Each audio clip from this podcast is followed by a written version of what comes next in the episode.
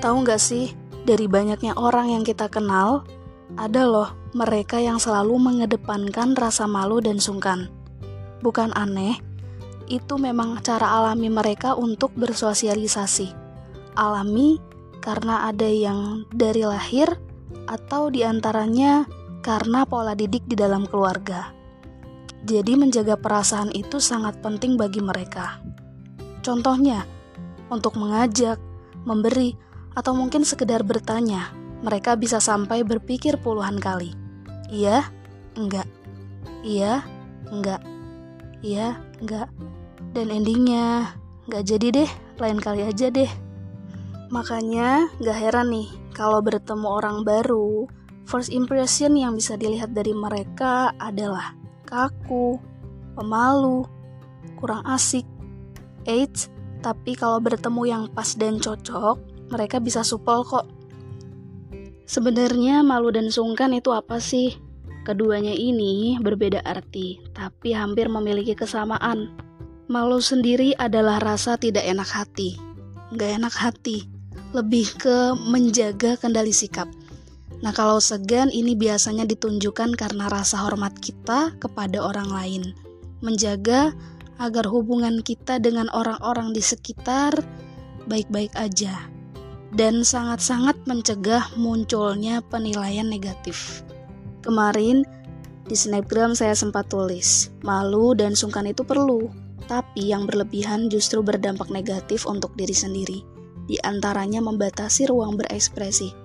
Masa iya? Iya, kita mau bebas berekspresi, kita mau menunjukkan potensi. Tapi nggak bisa, kita akan stuck diam di zona nyaman kita.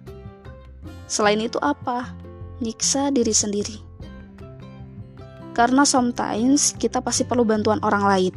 Tapi karena rasa malu dan sungkan lebih mendominasi, akhirnya kita paksa buat ngerjain sendiri. Padahal akan lebih maksimal kalau dengan bantuan orang lain. Yang didapat ya capek, apalagi kalau jangka panjang.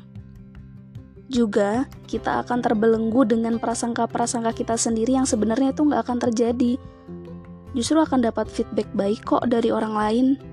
Cara mengatasi malu dan sungkan yang berlebihan itu gimana sih? Sebenarnya simpel.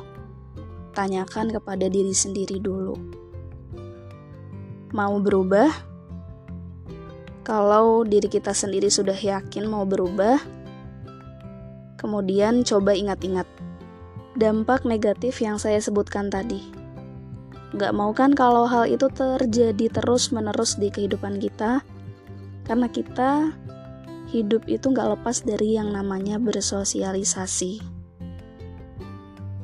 Pola pikirnya diarahkan dengan kita memulai lebih dulu, orang lain akan memberikan respon baik dan lebih merasa dihargai. Kurang-kurangi rasa tidak enak hati di garis bawahi ya.